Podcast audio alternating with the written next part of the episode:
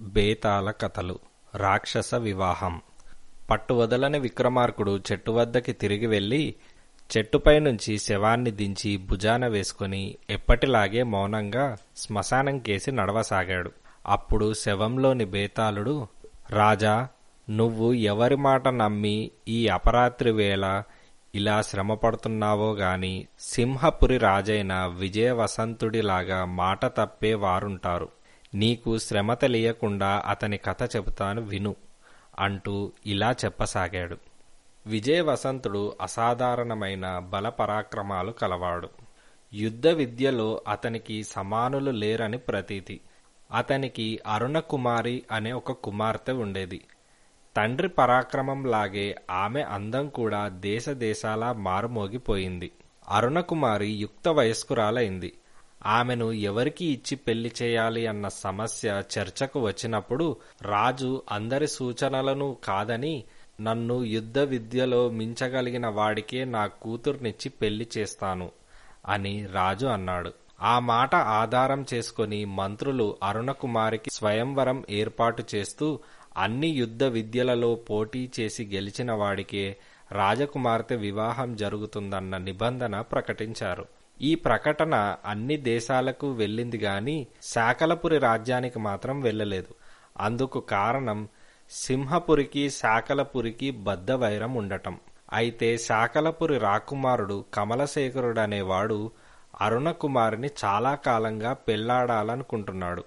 ఆమెకు స్వయంవరం ఏర్పాటైన సంగతి మరొక రాజకుమారుడి ద్వారా అతడికి తెలిసింది. కమలశేఖరుడు ఆ రాకుమారుడికి చెలికాడులాగా అతని వెంట స్వయంవరానికి బయలుదేరి వచ్చాడు. స్వయంవరం నాడు అందరు రాకుమారులతో బాటు కమలశేఖరుడు కూడా గుర్రపు స్వారీ కత్తి యుద్ధము గదా యుద్ధము విలువిద్య పోటీల్లో పాల్గొని అందరినీ ఓడించాడు. అరుణకుమారి అతని మెడలో వరమాల వెయ్యటమే తరువాయి. ఆ సమయంలో విజయవసంతుడు కమలశేఖరుణ్ణి కౌగలించుకొని కుమారా యుద్ధ విద్యలలో నీ ప్రావీణ్యాన్ని మెచ్చాను.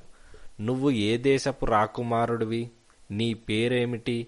అని రాజు కమలశేఖరుడిని అడిగాడు. నేను శాకలపురి రాకుమారుణ్ణి. నా పేరు కమలశేఖరుడు అని కమలశేఖరుడు అన్నాడు. విజయవసంత మహారాజు కోపోద్రేకంతో హీరుడా తక్షణం ఇక్కడి నుంచి వెళ్ళిపో. ఇప్పటికి నిన్ను ప్రాణాలతో వదులుతున్నాను అని రాజు గర్జించాడు. కమలశేఖరుడు అంతకన్నా కోపోద్రేకంతో నీవు పెట్టిన పరీక్షలో నెగ్గినప్పుడే నీ కుమార్తె నాకు వధువైంది. నేనామెను పెళ్ళాడకుండా ఎలా ఆపుతావో చూస్తాను అంటూ వరలో నుంచి కత్తి తీశాడు. విజయవసంతుడు కూడా కత్తి దూశాడు. ఇద్దరూ ఒకరి ప్రాణాలు ఒకరు తీయదలిచినట్టుగా పోరాడారు. ఆ పోరాటంలో విజయవసంతుడు కత్తి పట్టిన చేతికి బలంగా గాయం తగిలింది. వెంటనే కమలశేఖరుడు అరుణకుమారుని చెయ్యి పట్టుకొని తీసుకుపోయి తన గుర్రం మీద ఎక్కించుకొని తన దేశానికి వెళ్ళిపోయాడు ఆ రోజే విజయవసంతుడు రణభేరి వేసి సైన్యాన్ని తరలించుకొని శాకలపురి మీదకి యుద్ధానికి వెళ్ళాడు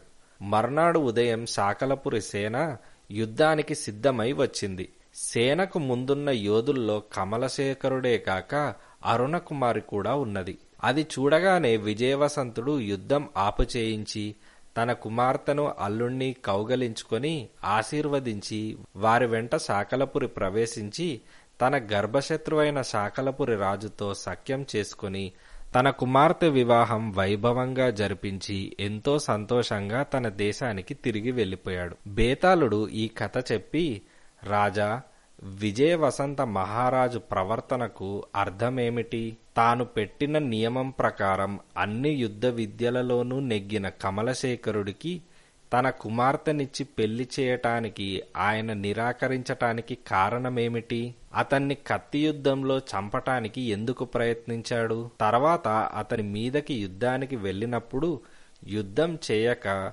తానే స్వయంగా దగ్గర ఉండి పెళ్ళి ఎందుకు చేయించాడు?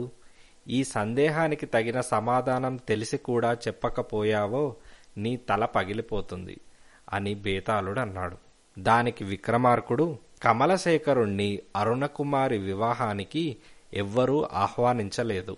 అతనికి యుద్ధ విద్యల పోటీల్లో పాల్గొనే హక్కు లేదు. అతను తన శత్రువైనా కూడా అతన్ని ప్రాణాలతో వదలటానికి విజయవసంతుడు సిద్ధపడ్డాడు. కాని కమలశేఖరుడే ఆయన మీద కత్తి దూశాడు. తన ప్రాణం తీయాలనుకున్న వాణ్ణి చంపటానికి ప్రయత్నించడం తప్పు కాదు.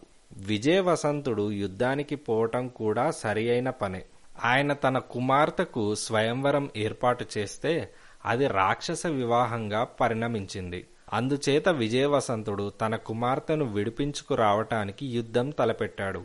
కాని తనతో యుద్ధం చేయటానికి తన కుమార్తె స్వయంగా వచ్చేసరికి ఆమె తనను ఎత్తుకుపోయిన వాణ్ణి ఇష్టపడే పెళ్ళాడుతున్నట్టు స్పష్టమైంది. రాక్షస వివాహం ధర్మ విరుద్ధం కాదు గనక దానికి విజయవసంతుడు సంతోషంగా ఒప్పుకొని తన అల్లుడితో శత్రుత్వం కొనసాగించటం భావ్యం కాదు కనుక అతని కుటుంబంతో సఖ్యం చేసుకున్నాడు అని విక్రమార్కుడు అన్నాడు రాజుకి ఈ విధంగా మౌనభంగం కలగ్గానే బేతాళుడు శవంతో సహా మాయమై తిరిగి చెట్టెక్కాడు.